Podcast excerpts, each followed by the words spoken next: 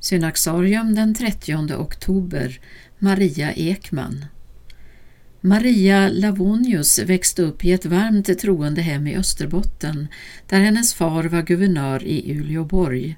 Redan som barn hade hon en gudstro som skulle fördjupas och förädlas genom livets lidanden. Efter några års skolgång i Schweiz återvände hon till Finland och förlovade sig 19 år gammal med godsägaren Ernst Linder. De fick en dotter som dog inom ett år och en kort tid därefter drog en tyfusepidemi in över deras bygder. Ernst, som osjälviskt engagerade sig i hjälparbetet, drabbades själv av sjukdomen samtidigt som paret väntade sitt andra barn. Ett par dagar efter barnets födelse insjuknar pappan. Han känner till sjukdomens förödande förlopp och isolerar sig för att skydda sin familj. Men inom bara några dagar är han död utan att ha fått ta avsked av sin hustru. År 1870 kunde Maria sälja gården och flytta över till Sverige. Året därpå lärde hon känna konsul Oskar Ekman. Denne var då 58 år och enkeman sedan 12 år. Han var berömd ledare för ett av landets mest framgångsrika handelshus men också omtalad för sitt starka samhällsengagemang. Efter en tid anhöll han om den unga änkans hand och redan i maj 1872 stod bröllopet. De kan tyckas ha varit ett ganska omaka par, bruden var inte mer än 26 år.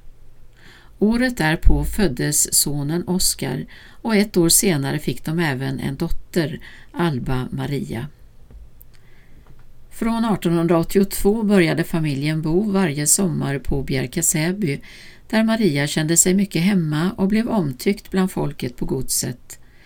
De gamlas ögon strålar ännu när de talar om konsulinnan, skrev Manfred Björkqvist i en nekrolog över henne.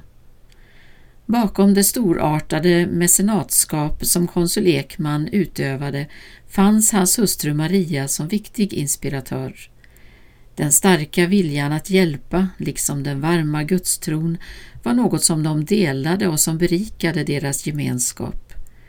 Båda såg sig som förvaltare av det som hade anförtrotts dem och för Maria var givandet ett av livets största glädjeämnen. Efter 35 års äktenskap stod Maria i maj 1907 åter ensam. Hon överlevde sin make i åtta år och fullföljde under de åren hans hjälpverksamhet.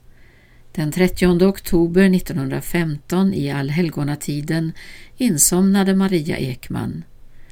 I en minnesteckning beskrev en ung släkting hur det fanns i hennes ögon en klarhet och en himmelsk kraft som gjorde att man inför dem inte kunde stå med något svek i sitt hjärta, att man liksom tappade den mask man anlagt i livets skådespel och blev som man eljest så sällan får vara, människa helt enkelt.